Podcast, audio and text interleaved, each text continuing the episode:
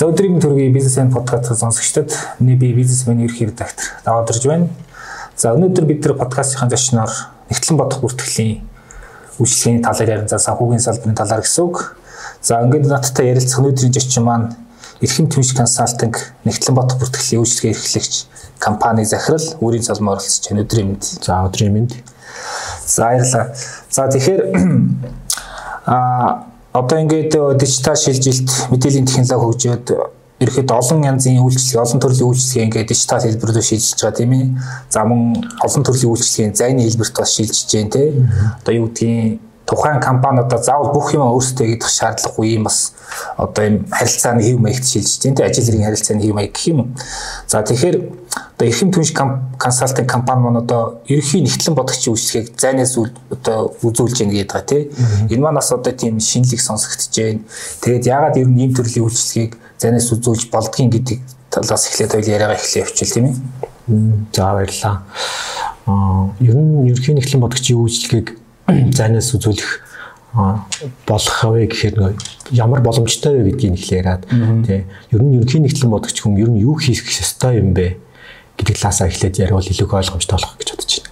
Тэгээ манай хувьд аа энэ ерөнхий нэгтлэн бодогч гэдэг хүн ер нь юу хийж яваа? Энэ одоогийн өнөөдрийн байдлаар яг нөгөө ерхий нэгтлэн бодгочийнхаа ажлыг хүн яг хийгээд ийнү үгүй юу гэдэг талаас нэлээх судалж хамтаа ярилцаж энэ үйлчлэгийг гаргаж ирсэн. А уг нь бол ерхий нэгтлэн бодгочийн хамгийн ихний нэгдүгээр бүр нэг номерын ажил нь сагуугийн үйл ажиллагааг удирдлагаар хангах байхгүй.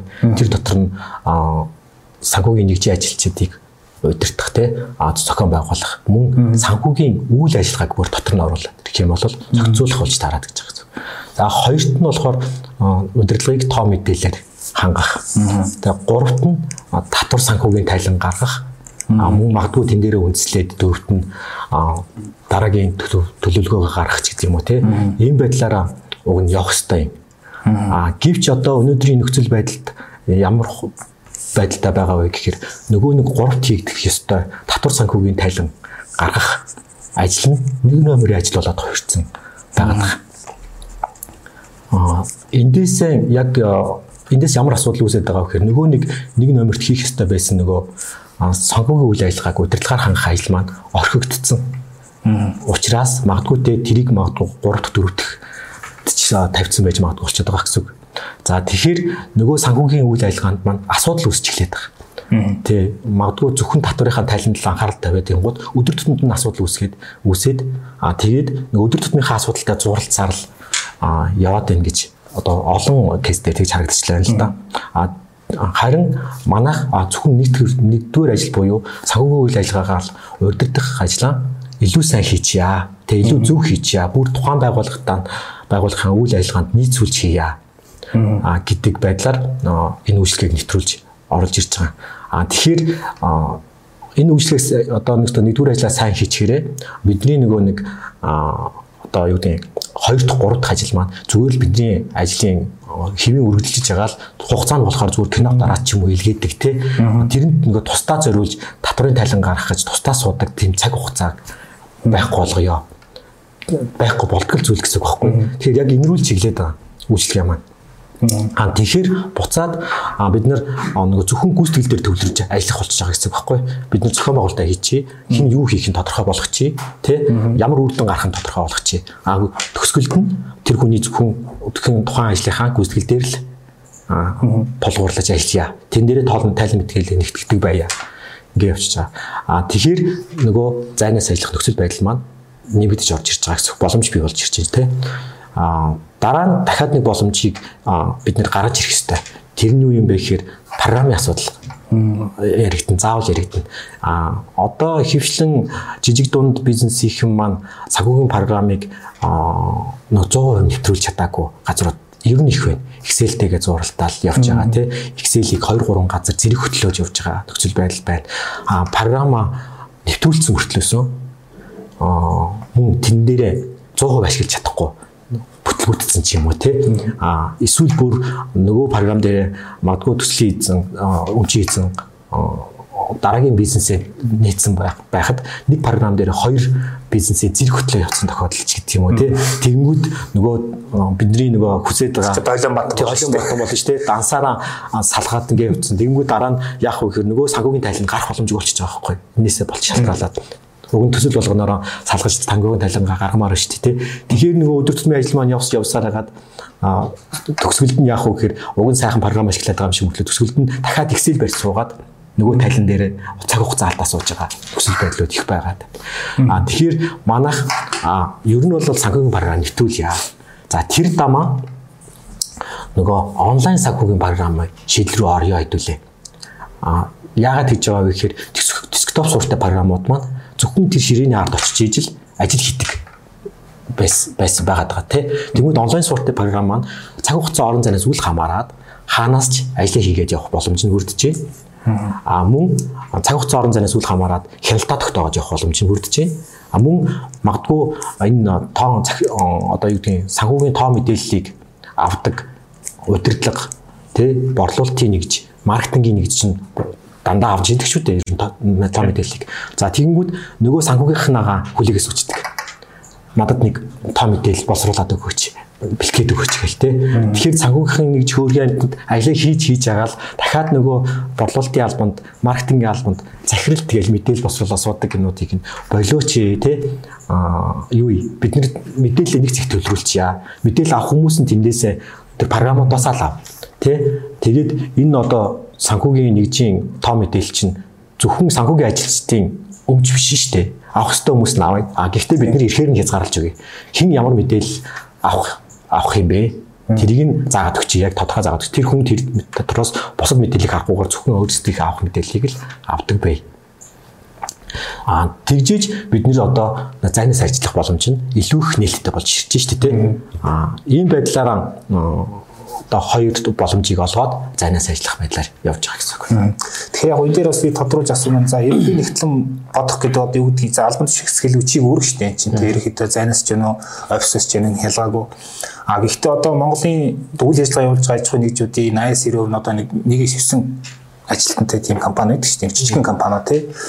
Тэгэхээр юу асуух гээд нэхэр ерөнхий нэгтлэн бодох гэдэг чиг үүрэг ер нь жижиг том гэлтгүү бүх компанид хэрэгтэй байна уу? А эсвэл компани жаахан томорхоор илүү одоо тэр нөө бодлогын төвшөнд яригдаг асуудал та дүр ярьлаа шүү дээ. Удирдлагаар хангах гээд. А нэгээс 9 үнэтэй компани их амир тийм одоо юу гэдэг ерөнхий нэгтлэн бодох аваадах шаардлагагүй. Жаах ингэ юу гэдгийг зайнаас одоо яг танахаас ч юм уу те ингэ тийм гол чигүүргээ зөвлөгөөг авчиад яваад байж болж байна. Яг энэ төр жаахан тодруулалт л аа ер нь бол яг үйл ажиллагаагаа чиглэлээс л хамаарч байна. Аа жишээ нь нэгээс 9 компани гэсэн мөртлөөсөө зөвхөн борлуулалт хийдэг байвал яах вэ те? Нөгөөс 9 ажилтан ажилтанд борлуулалт борлуулалтын дээр төвлөрдөг. Маш хэмжээний бараа хэрэглэдэг байвал яах вэ? Аа тийм тохиолдолд чинь өөрөө тэр санхүүгийн ажилтан илүү их шаардлагатай. Бий болоод ирж штэ тэ тэр хүн магадгүй параметралын яруу гэдэг хүн заавал байх шаардлага гарч ийн гэдэг ч юм уу тэ аа тэгээд мэдээж энэ ерхий нэгтлэн бодгож гэдэг зүйл чинь одоо юу гэдгийг альбом тушаал чинь те аа одоо юу гэдгийг ганц одоо тийм нэгтлэн бодох бүртгэлтэй холбоотой зүйл биш те. Аа тэр тухайн санхүүг хэрхэн зөв явуулах вэ? Чигийг гаргаж өгөх ёстой хүн багна шүү дээ тий. Тэгэхээр маг тэрийг жижигч вэ, томч вэ ямар нэгэн бодгын төвчний тий татвар санхүүгтэй холбоотой асуудлуудыг зөв чиглүүлэх байдлаар орлох шаардлага гарна. А мэдээж жижиг газарт одоо юу гэдгийг өндөр цалин төлөөд ерөнхий нэгтлэн бодогч ажиллаж яснаас тий арай бага зардлаар мэрэгжлийн үйлчлэгээ зайнаас аваа явж явах нь илүү үр дүнтэй бага зардлаар магадгүй түүнээс илүү үр дүнтэйгээр ажиллах боломж нь нэгдэж байгаа л гэж харж байгаа. Тэгэхээр санхүү гэдэг нь одоо компани болгонд байдаг процесс шүү дээ тий. А гэхдээ санхүүгийн бодлого гэвэл бас энэ царай өөр асуудал яригдах гэдэг тий. Тэгэхээр ер нь санхүүгийн бодлого гэж яг юу юм те? Энэ ер нь одоохон бид нар бол та тааш гэсэн өмнө надад тоолж явах хэлжсэн ингээд манай компанид голдуу санхүү гэдгийг нөгөө татварт тайлан гарах төдийгөр л хязгаарлал ойлгоод байдаг. Ер нь санхүүгийн бодлого дээр санхүүгийн тайлан тооцоо гэдэг ер нь яг татвараас гадна ер нь ямар ач холбогдолтой энэ компани цаашдын өсөлт төгжөлт ч юм уу те? Яг өргөн утгаар навж үзвэл санхүүгийн бодлого гэдэг маань ер нь бодлого гэдэг зүйл өөрөө тодорхой байдлыг хэлээд байгаа байхгүй бүх юмыг тодорхой байхыг л бодлого гэж хэлээд байгаа. Тэгэхээр улс орнд ч гэсэн ярьдаг шүү дээ. Энд бодлого дутагдаад байна Тэгээ хууль хэрэгтэй байна ч гэдэг юм уу. ингээл ярьдаг штеп зарим газар бүр бодлого байхгүй ч байна гэдэг ярьдаг те. Тэгэхээр улс орны хэмжээд хүртэл энэ бодлогыг нэг тодорхойгүй байдлаар л илэрхийлж байгаа байхгүй. Тэгэхээр бид нар тодорхой байх хэрэгтэй. Санхүүгийн бодлого гэдэг бол тухайн санхүүг тодорхой байхыг л хэлээд байгаа байхгүй санхүүгийн үйл ажиллагааг. Тэгэхээр хэн юу хийх вэ? Ямар хугацаанд хийх вэ? Хинтээ уялдаж ажиллах вэ? Тэ ямар үр дүн гаргах вэ гэдэг зүйлийг тодорхой зааж өгөх шаардлагатай. Тэгэхээр бодлого гэдэг зүйл өөрөө хэрэгжихийн тулд хэрэгжихийн тулд заавал нэгдүгürt бичигдсэн байх хэрэгтэй. Зүг зэгцтэй тий дарааллын дагуу бичигдсэн байх хэрэгтэй. Хоёрдугаарт батлагдсан байх хэрэгтэй. Батлагдсан байна гэдэг маань өөрөө тэр чинь өөрөө хүлэн зөвшөөрөгдсөн байна гэсэн үг болж таарж байгаа гэсэн үг тий. За гуравдугаарт үүнийг хэрэглэх ёстой хүмүүс мөн хэрэгжүүлэх ёстой хүмүүс даган мөрдөх ёстой хүмүүс нь мэдсэн байх хэрэгтэй. Буюу танилцуулсан байх хэрэгтэй. Ингэжээж энэ зүйл өөрөө хэрэгжиж явна. Тэ ямар ч нэгэн зүйлийг бичээгүй байж энэ бодлого хэрэгжихгүй байх гэж ярих боломж байхгүй болчихж байгаа. Ямар нэгэн зүйлийг батлаагүй байж а батлаагүй байж бас хэнийг хэрэгжүүлэх боломж болчихж байгаа. Бүр баталсан мөртлөөсөө ямар ч танилцуулга байгаагүй те нөгөө компани даяараа хүмүүс нөгөө бодлогыг чи мэдэхгүй байл энэ яаж хэрэгжих вэ? Тэ ингээд өснө тодорхой байдлыг л бий болгоод байгаа гэсэн үг. Аа тэгээд одоо юугээр хэрэгтэй вэ? гэж тэгж штэ тий. Цаашд одоо цаашдын өсвөл хөгжил юугээр хэрэгтэй вэ гэдэг. Аа компани одоо бизнесийн байгууллагын хувьд тий хаана явж байгаа вэ? Хаа хүрэх вэ гэдэгт ерөөсөө санхүүгийн нэг жижиг санхүүгч өөрөө луужин нөхгүй. Тэгээ луужин өөрөө эмдэрлэг байх хэвээр тий ойлгомжтой байх хэвээр зүв заадаг байх хэвээр тий тэгээд ингээд өөрөө тэр луужин маань зүв заах хэвээр хаана явж байгааг заах хэвээр хаашаа хүрэхин заах хэвээр гад юм маань асуудалтай байвал яах вэ? Нөгөө буруу заадаг байвал яах вэ те? Эсвэл бүр заахгүй байвал яах вэ? Ойлгомжгүй байвал яах вэ те? Тэгэхээр төөрн штэ. Мэдээж луучингүй хүн хаана явах хаваа өрхөө мэдэхгүй юм чи. Тэгэхээр энэ өөрөө луучин болж өгдөг учраас хаа хүрхээ ирээдүг одоо нэг өсөлт өгч чинь жинхэнэ луучин болж чадна л гэсэн үг байхгүй. Тэгэхээр бас ингэж асуумаар өмнө та ингээд бас янз янзын компани ажиллаж байсан тий. Аа тэгээд одоо бол ингээд өөрөө бизнес эрхлэгч болсон тий. А гэхдээ ингээд яг дотор нь байх хугацаанд ер нь яг одоо компаниуд нийтлэг ажилладаг тийм санхүүгийн сахилгын талаас нь авч үзвэл нийтлэг ажилладаг алдаанууд ч юм уу анзаард үзүүлүүд ер нь юу вэ те? Ч та бол анзаараад за энийг бол энэ асуудыг шийдээд би нэг бизнес хийчихэл гэсэн л юм.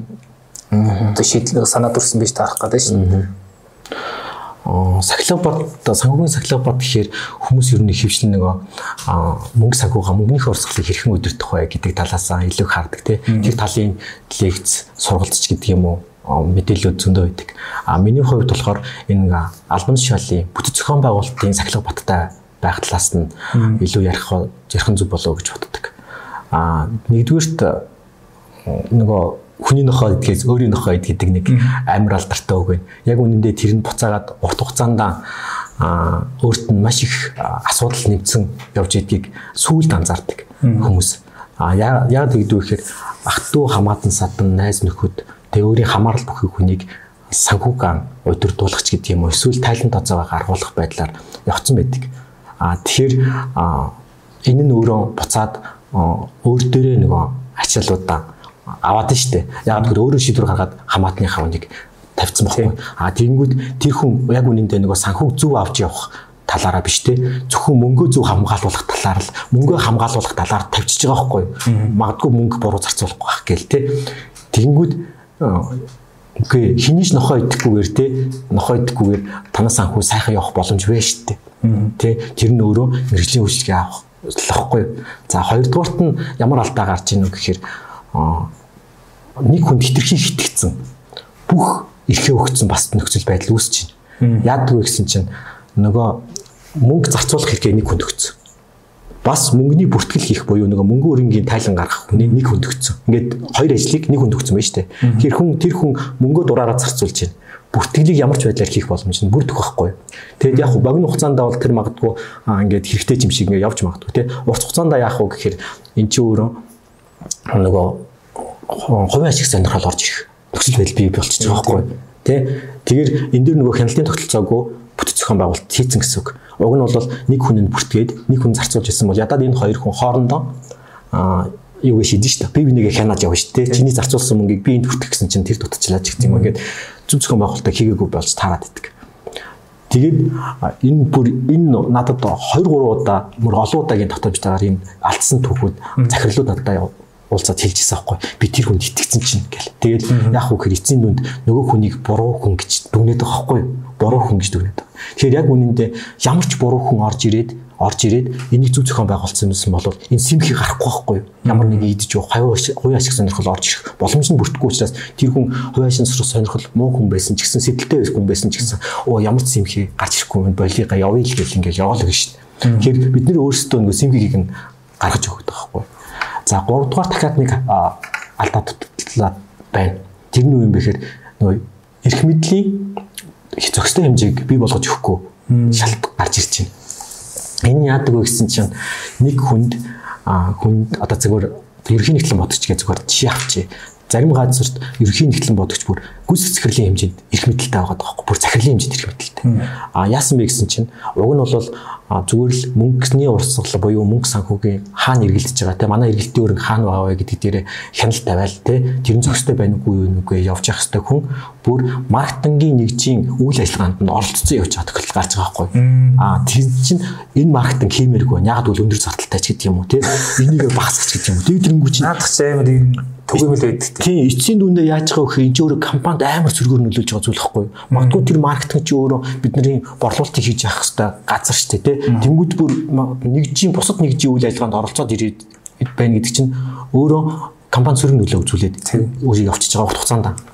А эсэргээр бүр нөгөө ерөнхий нэгтлэн бодогчийнхаа эрх мэдлийг хязгаарласан тохиолдлууд байна. За. Яасан бэ гэсэн чинь чи зөвхөн санхүүгийнхаа ажилчдыг л тэ өдөрт бусад хүнсний ажил бити оролцоод байг. Тэнгүүд яаж ин нөгөө хангамжийн ажилтсан чинь мөнгө зарцуулж байгаа. Хангамжийн ажилтсан чинь худалдаа авалтууд хийж байгаа шүү дээ. Тэр хүн чинь хүмүүс чинь худалдаа авалт хийж байгаа учраас анхан шатны баримт тэр хүмүүстээ төлрөөд байгаа байхгүй. Уг нь бол. Тэгсэн чинь нөгөө хүмүүсээс анхан шатны баримтаа нэхэд жоохон үйл ойлголцол үүссэн шүү дээ. Тэнгүүд чи зөвхөн нөгөө нэгтлэн бодогчтой л юу өдрөд те а юугээ энэ бусад хүмүүсийн ажил битгий оролцоод байж гэдэг юм. Ингээд иймэрхүү байдлаар эрх мэдлийг хязгаарласан тохиолдол бас ингээ гараад байна. Тэгэхээр энэ эрх мэдлийг зөв зохион байгуулах, удирдлагыг хинээр сонгох уу, байх уу те гэдэг өөрөө энэ санхүүгийн сахилах батад маш чухал зүйл үзүүлж байгаа. Энэ дээр бас би яг наач айгүй чухал асуулт дэмж асуумаар байна. Юу гэхээр за захирал болгон бол одоо санхүүгийн мэдлэгтэй байх боломжгүй. А гэтлээ санхүүтэй байх хэрэгтэй тий. Ямар нэг одоо яг саяны янз янзын процессыг зайлшгүй явагдана. Одоо маркетинг санхүү хоёр яаж одоо юу гэдэг их мэдлээ ойрлох уу, харилцаагаа одоо зохион байгуулах уу те. Бусад нэгжтэй яах уу те. Тэгээд гүйцэтгэх захирал өөрөө ямар хэмжээний мэдээлэлтэй тоо тоог ингэж байн авч явах суй тэр тоон хэр зөв гэдгийг яаж баталгаажуулах вэ гэдэг ч юм уу те. За тэгэхээр санхүүгийн мэдлэггүй захирлуудын хувьд ер нь яг иймэрхүү асуудлуудаас яаж зайлсхийх вэ те. Одоо юу гэдгийг би ингээд олон захиралтай уулзж байхдаа ингээд маахныг нэгтлээ ингээд хөрх ажиллаулаад яваад байсан чинь нэг харсан чинь ингээд 2 300 сая татврын өрөнд орцсон явж ерөөсөө мдээгүй юм бид нарт тийм өрөнд оруулсан байна тэр гэлтэй тэгээ талхаас гарахгүй ч гэх юм уу. Тэгтээ ингээд төлөхөөсөр аргагүй тий Тэгэхээр ийм асуудууд аюу түгээмэл гардаг. Тэгэхээр өөрөө санхүүч биш захирал ер нь яг яг одоо энэ саяны ярьсан асуудлуудаас яаж зайлсхийж болох вэ? Ямар арга чарга байна гэдэг тэр та зөвлөгөө ер нь л нөгөө хяналтын тогтолцоо шүү дээ. Хяналтын тогтолцоо зүг байгаа үед үед тэнд тогтмол одоо юу гэдгийг ажил хийх үргэлжлээ явах боломж нь үн бүрддэг. Аа энэ дээр яагаад хяналтын тогтолцоо гэдэг байгаа вэхээр түрүүнд би нөгөө нэг ихтгэл алдах гэж ярьж штэ тэ. Тэн дээр уг нь ихтгэл хүлээлгэх ихтгэл гэдэг чинь өөрөө хяналттай байж ихтгэл гэдэг юм зүйл тогтдог байхгүй юу? Хяналтгүй байвал ихтгэл гэдэг зүйл тогтох боломж байхгүй. Тэгэхээр хин нэгэнд ямар нэгэн ажил даалгасан бол эргээд хяналтын тогтолцоогоо хэрхэн зөв хийх вэ? Гэдэг зүйлийг л маш сайн анхаарах нь зөв болж байгаа. Тэгэхээр одоо яг санхүүгийн үйлчлэгээний санхүүгийн салбарын хувьд юу гэдгийг тэр дотоод дотооддоо нэгтэн бодогч байлаа ч гэсэн те манад хөндлөнгөөс нэг оролцоод дотоод хяналт хийгээд өгөөч гэж юм уу те тэр тодорхой үйлчлүүдээр байж болох байхгүй. Тайлангийн үйлчлүүдээр манад нэг хийгээд өгөөч. Тэгэхээр үйлчлэл маань өөрөө богино хугацаанд байх тусмаа бид нэг асуудлыг эрт илрүүлэх те магадгүй тайлгнахаас өмнө илрүүлсэн магадгүй нөгөө нэг шийдэх боломжийг нь боломжийг нь богино бүр уртцсан байвал хэцүү шүү дээ. Тэгэхээр шийдэх боломж нь богино хугацаанд шийдэх боломжийг нь нээхэнд бол хяналтын шийдэл маань тогтолцоо маань ойрхон байх буцмаа сайн гэсэн үг. Тэгэхээр одоо танах ингээд ерөнхий нибогийн үйлчлэгийг За ер нь бодлогын талаас нь ингээд зэгцлээд өгчнө гэж ойлгоод байна шүү дээ. Танаа үйлчлэгээ бол тий. За тэгэхээр одоо яг яг хуу компани талаас нь бол ихэнхэд үүсгэн байгаа шүү дээ. Маань гүйцэтгэх захиалын үр гүйцэтгэх үргийг гүйцэтгэх явдаг тий. А тэгэхээр одоо ойлгож байгаа бол одоо санхүүгийн бодлого та түрүү ярьсан ингээд тодорхой ингээд хяналттай байвал ингээд тэр чинь ингээд дараа нь дараа нь тэр санхүүгийн тэр тоонуудад үндэслээд янз янзын шийдвэр гаргах гэдэг шүү дээ. Одоо бүтээгт ямар бүтээгдэхүүн хөгжүүлэх үү ч юм уу үнийн бодлогоо яаж явуулах уу ч гэдэг юм маш олон шийдвэр гаргах хэрэгтэй болдог те. Гэтэл яг одоо юу гэдгийг тэр санхүүг удирж байгаа тэр хүмүүс маань яг тэр тоонуудыг үнэн зөв гаргаж өгөх чадамж нь хэрэг нэгдэг чинь бас нэг асуулт байгаа та. Тэгэхээр яг танаа үйлчлэгийн удаад юу гэдгийг за нэг 20 үнэтэй компанитай ингээд хамтар ажиллаад одоо тэр компани танаа ингээд итгээд тий За ерөөхдөө эдгээр бас ингэ зөвлөгөө аваад явахт маань санхүүгийн бодлого зэгстэй яваад байна. Энэ дээр үндэслээд бид нэр ийм юм чухал шийдвэр гаргаж болж байгаа нэгдэг тэр баталгааг ер нь та нар яаж өгдөг вэ?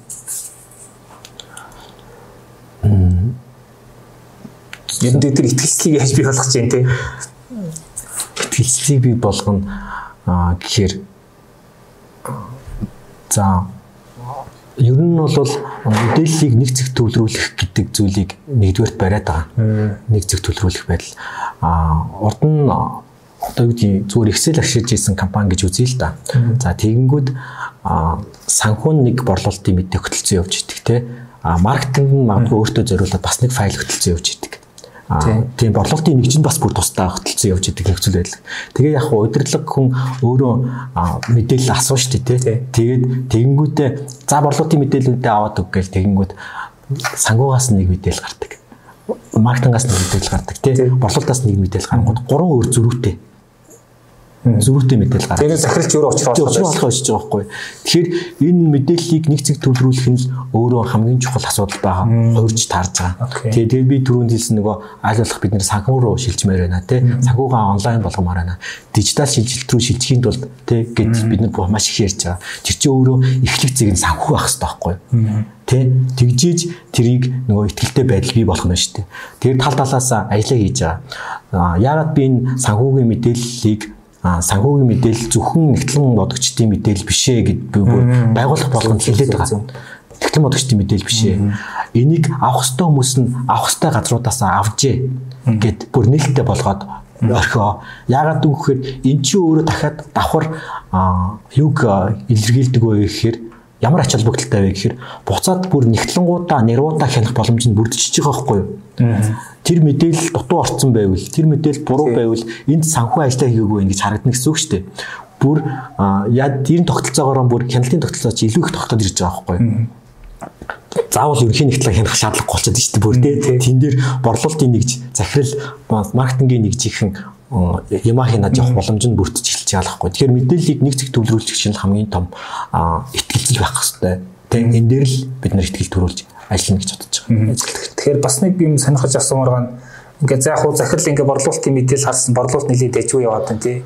А гэтэл тэр ингээд мэдээлэл нэгтлэн бодох бүртгэлийн шүүлтүүрээр ороод гараад ирсэн чинь нэг л биш ээ тий. Тим тохиолдол нь бэдгүү шүүлтүүрээр ороод ирсэн гэхээр их зүйл. Яг хуу ингээд яг хуу зарим захирлууд ярьдаг шүү дээ ингээд айгу ингээд бизнес нь яваад юм санагддаг. Гэтэл ингээл яг ингээл нэг харахаар ингээл ерөөсөл их зүгээр юм хийргээд байгаа ч юм ингээл эцсийн дүндээ тэг тэг болчаад байдаг ч гэдэг юм уу те. Одоо борлуулалтын мэдээлэл нэгтлэн бодох бүртгэлийн мэдээлэл хоёр ингээд одоо юу гэдгийг зөрөх тохиол байдаг аа нөгөө хаанаас боловсруулагдаж байгаасаа хамаарч яах гэсэн үг л дээ. Сая түрүүний хэлсэн нөгөө нэг борлуулалтын нэгж нэг мэдээлэл гаргана тий. Борлуулалтын нэгж бол захиралд юу гэж харуулах гэж байгаа вэ гэхээр захиралд илүү их борлуулалттай байгаа шүү гэдгийг харуулах гээд байгаа шүү дээ. Манайх хэвээр алж шүү. Алж шүү дээ. Лаад шүү гэл тий. Тэгээ тэрийг харуулах гээд байдаг. Тэнгүүд нөгөө нэг бусад зарлуудаа орхигдуулсан байж тий. Нөгөө ямар зардал цаана ямар зардал гараад байгаа гэдгийг борлуулалтын нэгж тэгж анхаарахгүй. Зөвхөн борлуулалтын том мэдээлэл өнрөөр харуулад идэх тийм дэмүү цаана чинь нөгөө өртгөх нь байж гин ашиглалтын зардал нь байж гин тийм магадгүй эргэлтийн зардлууд байж гин төвлөлтийн зардлууд байж гин тэр мөрийг нь тооцоогоор өндөр зарлалт харуулад ирсэн. А яг санхүүгийнхаа тооцоогоор тий тайлангаараа болохоор магадгүй ашигын маржин бага гараад ирэх тохиолдол гаралгүй байх байх. Зөв зөв. Тэгэхээр за томоохон компаниуд дээр авч үзээд ярил одоо үндсэн функцуудтай тэр хариуцсан дэд захирлууд байдаг. Тэ одоо маркетинг хариуцсан захирал, менежментийн баг бүрддэг тий өөрөөр хэлбэл. Тэгэхээр яг санхүүгийн гол тоонууд маань за мэдээж гүйцэтгэх захирал бүгд гол тоонуудыг мэдчих хэвээр. Ер нь гэхдээ яг компанид одоо ямар хүмүүс тэр тоог нь мэдчих хэвээр гүйцэтгэх захирлаас гадна ерөнхий небогоос гадна. Тэг түрүүн дахин дахин хэллээ. Нөгөө маркетингийн нэгж борлуулалтын нэгж гэдэг бол хамгийн түрүүнд тоо мэдээлэл угаасаа авдаг газрууд. Аа тэд тэдгээр өөрсдөө зориулаад файл хөтөлсөн явж идэг тий. Тэднэрт угаасаа тоо хэрэгтэй. Аа тэгээд магадгүй тэгээд тусдаа том компани бол нөгөө стратегийн нэгж тусдаа байж магадгүй тий. Тэгэхээр стратегийн нэгж чинь тоо мэдээлэл дээр үндэслэж дараагийнхаа төлөвлөгөө гаргаж амөгдөн магадгүй нөгөө төлөвлөгөө маань хэрэгжиж байгаа хэрэгжихгүй байгаа дүгнэх ажлууд гардаг шүү дээ тий Тэгэхээр мэдээлэл угаасаа хүрх ёстой хүндээ нээлттэй байх ёстой. Хин нэгээр хязгаарлагддаг байх ёсгүй.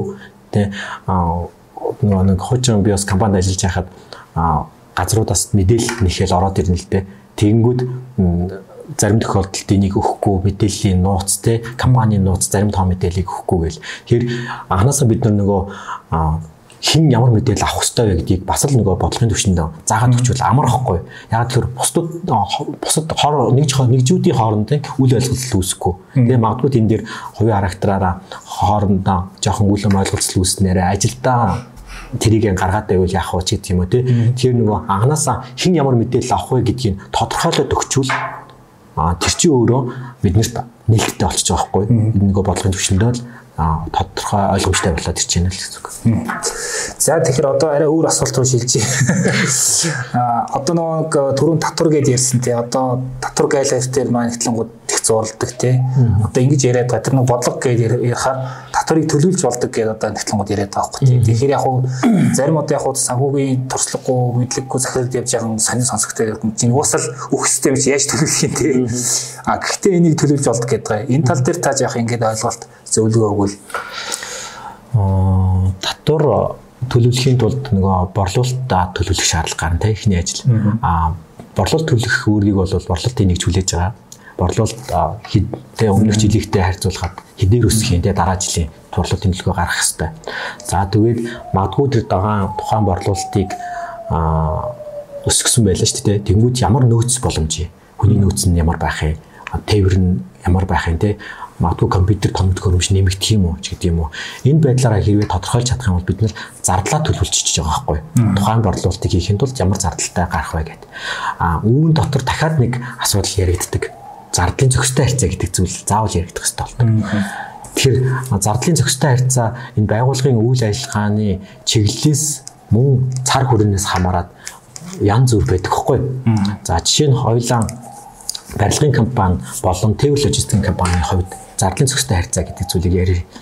А барилгын компанийн хувьд голлох зардал нь баруун материалын зардал тий нөгөө барилгын материалын зардал. Хоёр дахь зардал нь бусдаар гүйцэтгүүлэх буюу хөдөлмөрийн үйлсний зардал гээд голлох зардал болоод хувирч байна. А логистикийн компанийн хувьд голлох зардал нь түлшний зардал болоод хувирч байгаа. Тэгээд магадгүй дараа нь тээврийн хэрэгсэл зассан засварын зардал ч гэдэг юм уу. Тэгэхээр энэ нөгөө голлох зардал буюу уялдах зардлуудаа тодорхой ойлгож чадахгүй болохоор байлгаад тэрийгэ бид нэр төлөвлөж төлөвлөөд а энийг буцаад бид нар нөгөө нэг баримтаа нотлох, зардлаа нотлох гэдэг зүйл гарч ирдэг. Хамгийн их төвөгтэй асуудал шүү дээ, тий зах бууны дүүдээс авцсан барилгын материалыг тэгээ бид нар юу авч ий баримт авч чадахгүй байна гэх тээ. Тэгэхээр бид нар нөгөө арай ий баримтаа авъя гэхээр 10% нэмчихнэ. Тэгэхээр мөнгө захирлуудын хувьд дахиад авсан гарч байгаа зардал дээр 10% нэмэхээ зардал гарах гэдэг тээ. Тэгэхээр эхний ээжинд мөнгөө хямгадаад те ямар ч бараагаа авчи. Гэд жилийн төгсгөл болсон чинь нөгөө баахан ий баримтгүй буюу нотолж чадахгүй баахан зардалтай зардал болсон. Яг үүндээ барилгын ажиллаж байгаа ажил гүйцэтгэж байгаа ажилчин хүртэл ий баримтууд шивэхгүй асуудал нэлээх байгаа шүү дээ. Тэгэхээр жилийн төсвөлдөө гинт тайлан гаргаад тайлан гаргасан чи амар өндөр ашигтай. Уг нь бол бодит байдалтай тийм ашигтай байгаагүй штэ гэх тээ. Тэгээ бүх асуудал болоод ингүүт цаа нөгөө нөгөө баримт авч чадаагүй зардлууд дээр и баримт олж авъя гэдэг ч юм уу. Ингээд хайлт хийгээл хөнгөч бид нар ирээдүйд эрсдэл бий болгоод эхэлчихэж байгаа байхгүй. Тэ тэр и баримт ханаас гаралтай юм ч гэдэг юм уу. Одоо яг өнгөрсөн түүхүүд дээр энэ кейс бүр маш их давтагдчихж байгаа байхгүй. Тэгэхээр энэ татвар төлөвлөх гэдэг чинь өөрөө одоо орлогоос авахгүйла зарлаа. Тэгээ мөнгө зохистой харьцаа гэдэг зүйлийг анханасаа төлөвлөчих юм бол бид нэ аа дэдийн одоо юу гэдэг 100 сая төгрөгийн борлуулалтын орлоготой юм бол магадгүй те 50% хувийнх нь түвшний зардал байх юм байна гэх юм бол бидний биднэрт эдийн хэмжээний төрлийн зардлаа нотлох баримтаа анханасаа зөвлөлөө явуучих нь шүү дээ. Тэгэх юм бол жилийн эцэст бид нэр сандрахгүй тэ ямар нэг стресстгүйгээр тайлан чиг хэвэн гараад явах боломж бүрдэж чинь гэсэн. Тэгээ зардал осгоо ашгаа зардлаа орлогоо тодорхойлсон хүмүүс татварыг хэд төлөх вэ гэд жилийн эцэстээ бид нар тийм ашигтай гарах нь гэдгийг бүр бүр жилийн анх төлөвлөгөө гаргаж явах үед боловсруулах боломж нь биднэрт нээлттэй байгаа юм байна. Тэгэхээр ингэж асууя. За одоо манай улс төр одоо нөгөө нэг албан бус сектор гэж яриад байгаа шүү дээ. Ингээд одоо тас энэ ядаг ий баримтгүй ингээд худалдан авалтыг ямар нэг байдлыг хийхээс зайлшгүй болдог тий. Яг тэгэхээр тэр нь бас одоо эдийн засаг томоохон эзэлж байгаа шүү дээ. Тэгээд цаг хугацаа авахгүй тул тийм худалдан авалтууд хийхээс болдог тий. Ийм тохиолдолд ер нь одоо тэр зардлыг зөв хэрэглэх арга юм байна уу? Ий баримтгүй юу? Тий Одоо тийм худалдан авалтууд ялангуяа сая барилга ингээд бусад юм дээр бол ингээд хийхээс өөр аргагүй болдог үе юм байгаа шүү дээ. Ий баримттай ингээд газар хайгаад явах цаг хугацаа заримдаа гарахгүй тийм боломжч байдгүй ч гэдэг юм. Аа бид нэр одоо нэгдэл бизнесийн үйл ажиллагаа явуулж байгаа юм чинь зарлаа заавал нотлох шаардлага гараад байгаа байхгүй тий. За тиймгүүд эсрэгээр нь тэнд орлогоо нотлохгүй байх зорилготой хүмүүс маш их байгаа шүү дээ тий. Бизнесээ хийгээ явж байгаа мөртлөөсөн тэнд орлого олсноо нотлохгүй байх зорилготой хүмүүс маш их байгаа.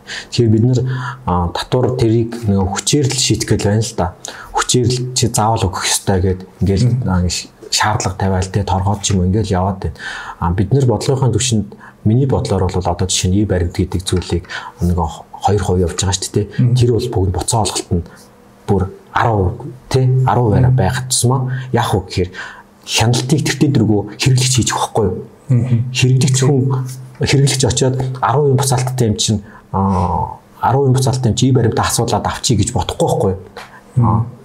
Бүтэн мөнгө л буцаалт аваад тэндээс и баримтаа шаардаад эхэлчихнэ тий? Ингээд энэ байдлаараа бид нар энэ нөгөө нэг и баримт өгөх зардал нотлох нь илүү сайжрахгүй гэн бодлогын төвшөнд Тэгээд яг уу одоогийн нөгөө хүмүүс маань 5%-ийг ч өсөрт хүртэл эсрэг үзээд нь шүү дээ.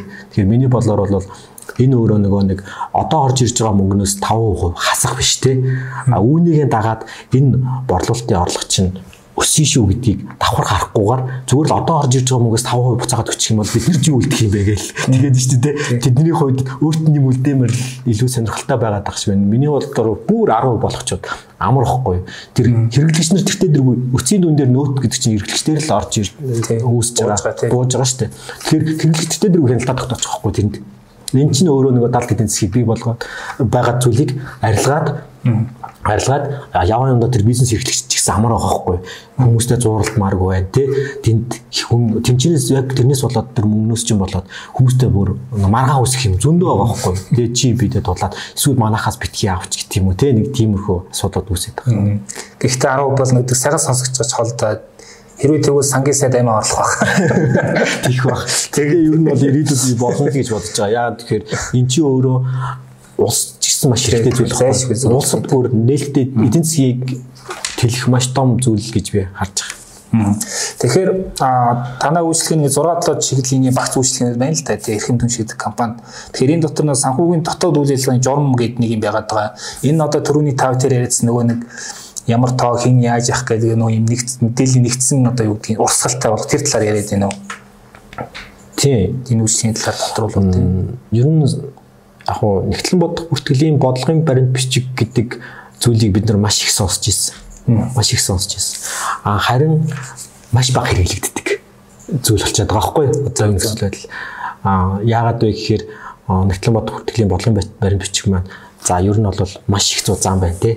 Хүн ингээд уншаад өөрийнхөө хэрэгтэй зүйлийг олж авахын тулд нэлээд хугацаа зарцуулж байна. А дээрэс нь магадгүй тухайн газар нийцэхгүй байна. Тэгээ өөрсдөд нь ашиглагддаггүй стандарт дүрм журмуудыг ингээ оруулсан. Тэ тэгээд аа нэг хязгаарлаж байгаа юм зөвхөн бүртгэлийг бүртгэлийг оруулсан байгаа хгүй бүртгэл ямар байх вэ гэдгийг л оруулсан байна. А санхүүгийн үйл ажиллагааны журам нь юу юм бэ гэхээр санхүүгийн үйл ажиллагаанд оролцогчдыг нийтэд нь хамруулад ганц бүртгэлийн асуудлыг биш те энэ үйл ажиллагааг хэрхэн хамруулж оруулаад цагуугийн үйл ажиллагаанд оролцогч гэдэг хүмүүсийг бас өөр хариуцуулах хариуцжуулах талаас илүү их оруулж байгаа. А дээрэс нь яг тухайн байгууллагт нийцүүлье. Нийцэхгүй зүйлийг байлгаад яах вэ те тэрийг ашиглах хэрэгтэй. Тэгэхээр яах вэ? 100% ашигладаг бай түүнийг. 100% мөрддөг бай. Тэ? А тэр нь ашиглагдаад явхад одоо юу гэдгийг ойлгомжтой бай. Ойлгомжтой бай. Ашиглаж байгаа хүмүүстээ ойлгомжтой бай гэдэг.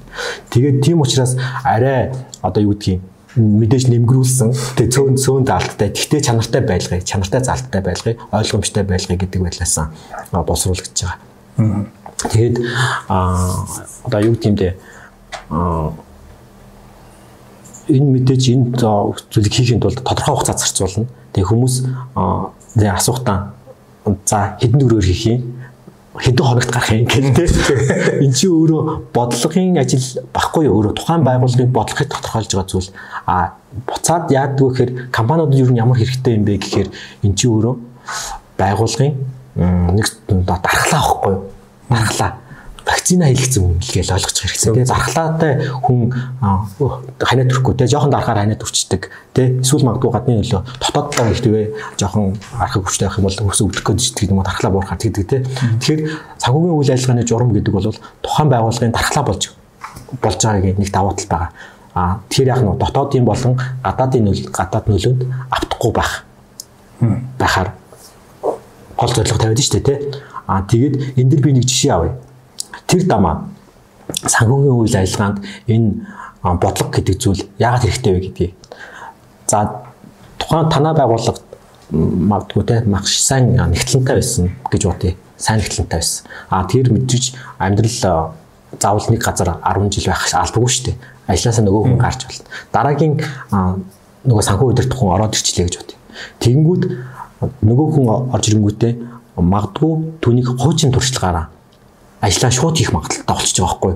Яагаад вэ гэхээр тэр хүний юу хийхийг зааж өгөөг тодорхойгүй. Яагаад гэвэл та ажлаа хийгээд өгсөн. Тэнгүүд нэг хуучин туршлага нь магадгүй энэ компанид тохиолцох уу, тэ тогт нийцэх үү, тэ тохирох уу а энээсээ шалтгаалаад магадгүй тэр хүн шууд юмыг өөрөө нэгсэн санхүү удирж байгаа хүн юм чинь энд 10 хүн байна уу 5 хүн байна уу энийг ингэж хийхгүй шүү тэгж хийж үгээд нэгтлэнтэй хэлчихэнгүүт нөгөө нэгтлэн нэрвууд ч гэсэн дагаж хийхээс өөр аргагүй болох зүйл Тэгэхээр энэ дэр дураараа бүртгэлийг хөдлөх хөдлөх боломжууд нь бий болж ирж байгаа байхгүй?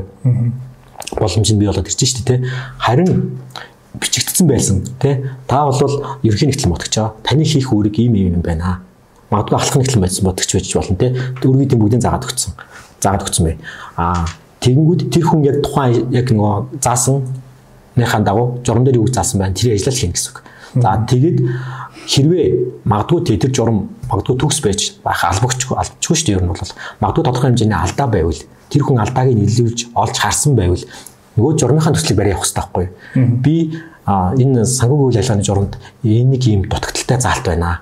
Энийг нэмья. Эсвэл энийг засъя гэд журмын төслөө бариад захирал дээр орох хэрэгтэй. Тэнгүүд захирал хүн яах вэ гэхээр үнэхээр нэр нь тэр нь алдаатай юу зөв гэдэг дээр дүгнэлт хийгээд эсвэл баталж болно эсвэл бүр буцааж болно те. Тэгэхээр баталсан бол түүнийг дагаж мөрдөж болно. Батлаагүй бол тэр хүн заавал өөрийнхөө үзэл бодлыг оруулах гадах шаардлага байхгүй. Бодлогоо хэрэг тэр тухайн бичигдсэн бодлогоо хэрэгжүүлээл цааш нь үргэлжлүүлээ явна л гэсэн юм.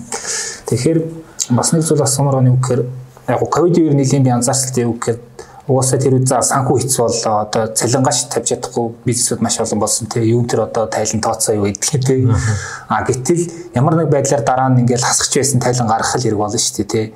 Яг ийм одоо хасах руугаа орцсон, хасах руугаа дөгцсөн нөхцөлд ер нь одоо юу гэдгийг сагуугийн сахилгатыг сахин тайлан тооцоо бүртгэлийг зөв хөтлөн бодлогыг зөв авч өгнө гэсэн ойлголт юм байх уу?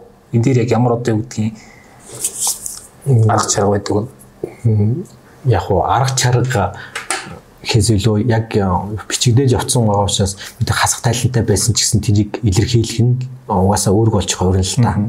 Бусдаар бол одоо өөрчлөгч гэдэг юм уу тийм зүйлүүд гарч ирэх хэцүү. Ер нь бол бичигдсэн зүйл бол тэрийгэ дагж мөрдөө явахаас л өөр аргагүй. Хэрвээ тэрийг зөрчих гэж байгаа бол адилхан бид нэгэ засгал шаардлага гарах гэдэг шүү дээ. Аа яг нэг зүйл бас санаанд орлоо. Энд дэр нөгөө нэг журам бичгтээд бодлого боловсруулагдал явцсан байна шүү дээ тэгэнгүүт тэн дээр нэг захирлын нөлөө орж ирэх гэдэг зүйлүүд гарч хувийн хандлагаараа тийм магадгүй шийдвэр гаргалт гэж байгаа. Тэд бол шийдвэр гаргалт болохоос бодлого биш болчих. Захирал бол өнөөдөр гаргасан шийдвэрөө маргааш үгүйсгэж болно тийм магадгүй маргааш өөр зүйл ярьж болно. Тэгэхээр бодлого гэдэг зүйл энэ шийдвэр гаргалтыг зөв буруу юу гэдэг гэдгийг тодорхойлоод байж хэвээр байхгүй. Аа таны гаргасан шийдвэр буруу юм биш үү? Бид нар журмаа багаал дагаал явъя. Тэгээ хэрвээ юу гэж байгаа бол те хэдүүлээ журмаа засъя. зөрчиж байгаа бол хэдүүлээ журмалцсан. Ингээд аль аль талдаа явчвал амар байдаг. Тэр дамаа энэ дэр нөгөө нэг за захирлын хамаарал бүхий хүн бас нэг асуудал гаргацсан байлаа гэж үзье те. Тэгэнгүүт захирал бол мэдээж магадгүй тэр хүмүүнээ авч үлдэх зорилго тавьж тавих ч гэдэм хариулт тооцохгүй үлдэхтэй. Тэгэнгүүт захирал хүн ч гэсэн за хэдүүлээ журмал барья дөө. Гэвэл амар хохгүй юу? Бодол Тийм бол захирал ч гэсэн те яах вэ гэж толгой гашлахгүй зүгээр л журам дээр юу ч бичсэн тэргээс барай явъя захирал ч гэсэн тэр жомыг барьдаг л байх хэрэгтэй байхгүй. Тэгжээж эн чинь өөрөө бодлого болж хуурж байгаа байхгүй.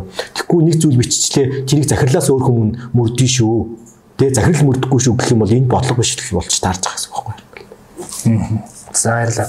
Тэгэхээр би бас нэг зүйл зүгээр сонирхоод байдаг юу гэхээр одоо ингээд статистикийн нөө бизнес регистр бүртгэлээс харсан ч гэсэн ингээд бүртгэлтэй компаниудын одоо талаас илүү ингээд ажиллахгүй байгаа байхгүй тий. Тэгээ нөө нэг ийм нөө нэг дампуурж болдог механизм манад мэдгүй юм шиг байгаа ингээд байгаа л байдаг. Одоо юу гэдгийг татвар дээр нийгмийн даатгал дээр баах асуудалтай ямар ч үйл байхгүй гэсэн мөртлөө тий. Тэгэл нойрын хооронд яваад идэг тийм нэг одоо хууль этгээдүүд хэдэн мянгаар шүү дээ тий. Тэгэхээр энэ ер нь ягаад ийм асуудал үүсгээд идэг энэ дэр мэрэгжлийн нэртаа зүгээр нь ямар гарц гараалгаа байж болох вэ гэж харддаг бай. Зөв дампуурах гэдэг нэг ойлголтод олон улсад бас байгаад байна шүү дээ.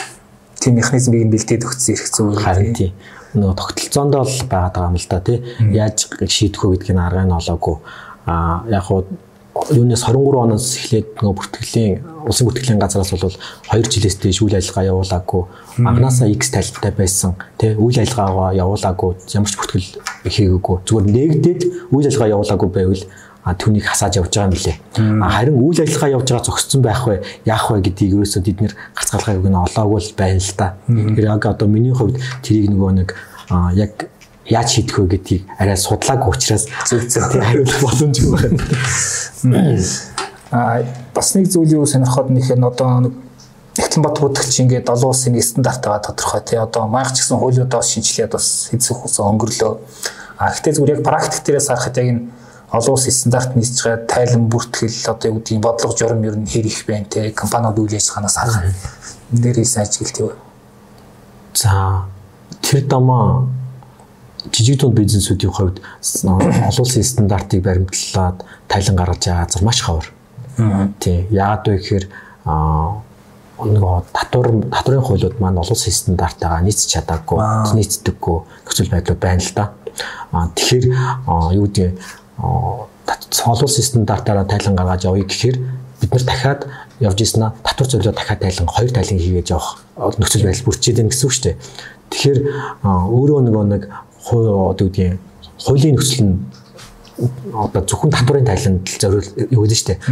Олон улсын стандарт нь одоо магадгүй бидэрт зөрчил тавихгүй, торгуул тавихгүй тий харин татвар нь зөрчил тавиад торгуул торгуул тавиад байгаа учраас нөгөө зөрчлүүд тавиулахгүй торгуулаа тавиулахгүй бол татварын тайлангаал хийх нь юу олон улсын стандарт юу стандарт юу нь тий торгуулмааргүй. Тийм учраас татварынхаа тайланд л зориулаад хийчий гэдэг л зориуд тавиад байна. Яг уу томоохон компани үед тэр дам олон улсын тийм хөрөнгө оруулалтын компани үед олон улсын стандартаа бариад тайлхнахаас өөр аргагүй. Яг тэгэхээр бид нэр буцаад тоо мэдээлэлээ энэ төр гээл тэгэл явж байгаа шүү дээ. А тэр мөн ялгаа авахгүй олон улсын стандартаар тайлхинчаад бид нэр дахиад татварын тайлангаа тусна гаргаад явж байгаа хгүй. Тэр дама том компаниуд татварын мэрэгсэн зөвлөх хүнийг зөвхөн татварын тайлан зориулаад албан тушаал бэлдээд явж байгаа гэдэг чинь манай хууль өөрөө хэрэгжихтэй ямар байгаа гэдгийг нэр харуулж байгаа. За за ерөөхдөө подкаст ингээм өндөрлөө. Тэгээ сүүлийн асуулт одоо юм байна. Эрхэм түнш компани төр нь яаж хамтарч ажил туулах гэдгээр та яахан мэдээлэл өгөөч. Аа. Ер нь ингэж манайх одоо шаардлага гэх юм уу тий нэг удаагийн үйлчлэгээ үзүүлэхгүй гэдэг бодлого бариад байгаа. Аа зөв. За нэг удаагийн үйлчлэгээ гэдэг маань юу юм бэ гэхээр за тайлан гаргалтын үед тий а хагасчлын тайлан ч юм уу бүтэн жилийн тайлангуудаар хүмүүс маань хөвчлээ яадаг гэхээр тайлангийн дээр гарах бай гэл тийм л зүйл асуудаг. Тэгээд бид нэр өөрсдөд нь буцаагаад бид нар нэг удаагийн тайлан гарахгүй те урт хугацаанд гэрээ байгуулад ажилтвал тайлан гаргана. А тэр нь яг юу юу хэлээд байгаа юм бэ гэхээр тухайн бизнес эрхлэгчийг л эрсдлээс хамгаалаад байгаа. Эрсдлээс хамгаалаад. Тэгээ тэр хүн цааны хугацаануудаар тий жилийн эцсээр хагас жилээр магадгүй улирлуудаар өөр өөр хүнээр хамгийн бага магадгүй минимум үн хэлсэн хүнээр талин гаргуулад яваадсэн тохиолдлууд маш их байна. Манай бүр утасны дуудлаганд 30-аас 40% нь орчим нь. Аа би ингээд татварын шалгалтанд орч очлоо. Тэ манайхыг хамгаалаад оролцоод өгөөч гэдэг дуудлага ирж байна. Тэр нь яасан бэ танах одоо нэгтлэн бодогч яасан бэ гэсэн чинь үгүй би өөр өөр хүмүүсээр ингээд тайлан гаргуулаад гэсэн чинь одоо хариуцах хүн байхгүй. Тэгээ хариуцах хэн байхгүй. Яг нэг удаагийн тайлан гаргаж байгаа юм чинь тэр хүн юу хариуцах юм? Бүтэн жил хариуцаагүй. Зөвхөн л жилийн эцсийн тоо мэдээлэл дээр нь тулгуурлаад тайлан хинж гаргачихна. Тэгээ манайх ч гэсэн гаргаад явж болж л байна л да. Би одоо жишээ нь манайх шинээр зүрхэм сардалт шинээр үйл ажиллагаа явуулаад тий хагас жилээр нэлээд хэмжээний мөнгө хөрөгдөл үүсгэх боломж байгаа байхгүй. Гэхдээ би ёс зүйтэй баймаар байна. Тэр газарт эрсдэл үүсгэмээр байна урт хугацаанд. Би нэг удаагийн гаргасан тайлан дээр хинч хариуцлага үлээхгүй. А тэр харин жилийн гэрээ тий 2 жилийн гэрээ 3 жилийн гэрээтэй байх юм бол би тэр хугацааныхаа бүх хариуцлагыг өөрий бүх гаргасан тайландаа хариуцлага 100% өөрий. Тэр татварын тайлан шалгалт хүрээд ирэх юм бол бид нар тэрийг хамгаалъя. Нэг юм. А хоёрт нь мөн нэг удаагийн зөвлөгөө өгмөрг байна гэдэг юм ярьж байгаа. Яагаад вэ гэхээр санхүүгийн үйл ажиллагааг сайжруулах зөвлөгөө нэг удаагаараа үр дүн ер нь маш ховор. А яагаад вэ гэж байгаа вэ гэхээр магадгүй тэр зөвлөгөө нь тухайн байгууллагынхаа үйл ажиллагаанд нийцээгүй гэж болно. А хоёрт нь тухайн зөвлөгөөг яаж хэрэгжүүлэх арга олохоогүй гэж болно. Гуравт нь аа нотуудын хэрэгжүүлэх боловсон хүчин байхгүй байж байж болох байхгүй. Тэгэхээр зөвлөгөө өгч байгаа хүн бол зөвлөгөө өгвөл мөнгө өгөөд аваа явж болж л байна л та. Тэгээд сайхан зөвлөгөөнүүд өгч болох байхгүй. Тэгээд ингэж сайжруул ингэж сайжруул гэж нэг удаагийн юм гурван удаагийн зөвлөгөөгөө өгч болж байна. Тэгэхээр энэ за энэ дотроо яг зүгээр татварын мэрэгсэн зөвлөх буюу тэ нөгөө яг бүртгэлийг алдаагийн залруулах зөвлөгөө бол нэг удаа үр дүнтэй үр дүнгээ өгч штэ. Харин бид аудит шиг тий аудит шиг урт хугацаанд бид нар энийг дахиж алдаагаа гаргахгүй бол урт хугацааны зөвлөгөө өгөх хэрэгтэй байна штэ тий. Тэгэхээр бид нар яг энэ урт хугацааны зөвлөгөө гэдэг зүйлийг энэ ерхий нэгтлэн бодогчийнхаа үйлчлэгэнд илүү шингээж өгсөн. Яг тэгэхээр бид нар өөрөө бодлогоч мосруулж өгөө тий. Аа тэгээд энийг хэрэгжүүлж үзье. Тий үр дүнгийн харуулъя.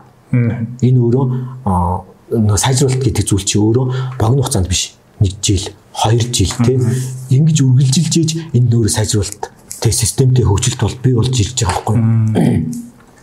Тэгэхээр ингэж урт хугацаантай хамтраад аялаад тий санхүүгийн асуудлыг шийдээд санхүүгийн асуудлыг шийдээд Аа тэгээд хамтдаа системтэй хөгжиж боломж байгаа шүү. Тэгээд ингэж ижил бид нэр хөгжмөр шүү дээ хамтдаа хөгжихгүй тэнцээ санхүүгийн удирдлага маань байгууллагын удирдлага маань яаж байгаа вэ гэхээр өөр дээрээ маш их хэмжээний ачааллыг хоригдлуулсан. Нөгөө бизнесээ хөгжүүлэхийн тулд хөгжүүлэхийн тулд байгууллагын удирдлага маань яад үгээр нөгөө санхүү мэдээж нөгөө цэг өөрөө гол цэг учраас өөр дээрээ маш их ачааллыг нөгөө санхүүгийнхаа үйл ажиллагаанд хамгийн их зуралдаг хүн юм байна. Ерөөсөө тэр нь өөрөө удирдсан явж байна санхүүгаан тий. Тэгээд өөрийнхөө хамгаалах хүмүүсийг томилцсон ч гэдэг юм ингэж явж байгаад тэгээд нөгөө нэг алсын юу шүү дээ зорилго стратеги шүү дээ тэрийг хэрэгжүүлэх ёстой хүн чинь эргэж хараа зогссон санхүүгийнхаа асуудлаа зуралдаад яваад байгаа байхгүй. Тэгэхээр ингэж зуралдахгүйгээр тий зуралдахгүйгээр хамтдаа асуудал чинь шийдээд тэгээд тэр хөгжлөрөө чинь хамтдаа системтэй хөгжих зориг тавиад явж байгаа шүү л гэж. Тэгэхээр нэг үгээр бол одоо бол тань хэлэх гээд байгаа гол мэс чинь та санхүүдээ бол хонцгийн сэтгэлээр хизээч хандж болохгүй шүү. Одоо ягаад гэвэл нэг боч ингээл орж гардаг аж одоо альбан тушаа шүү дээ.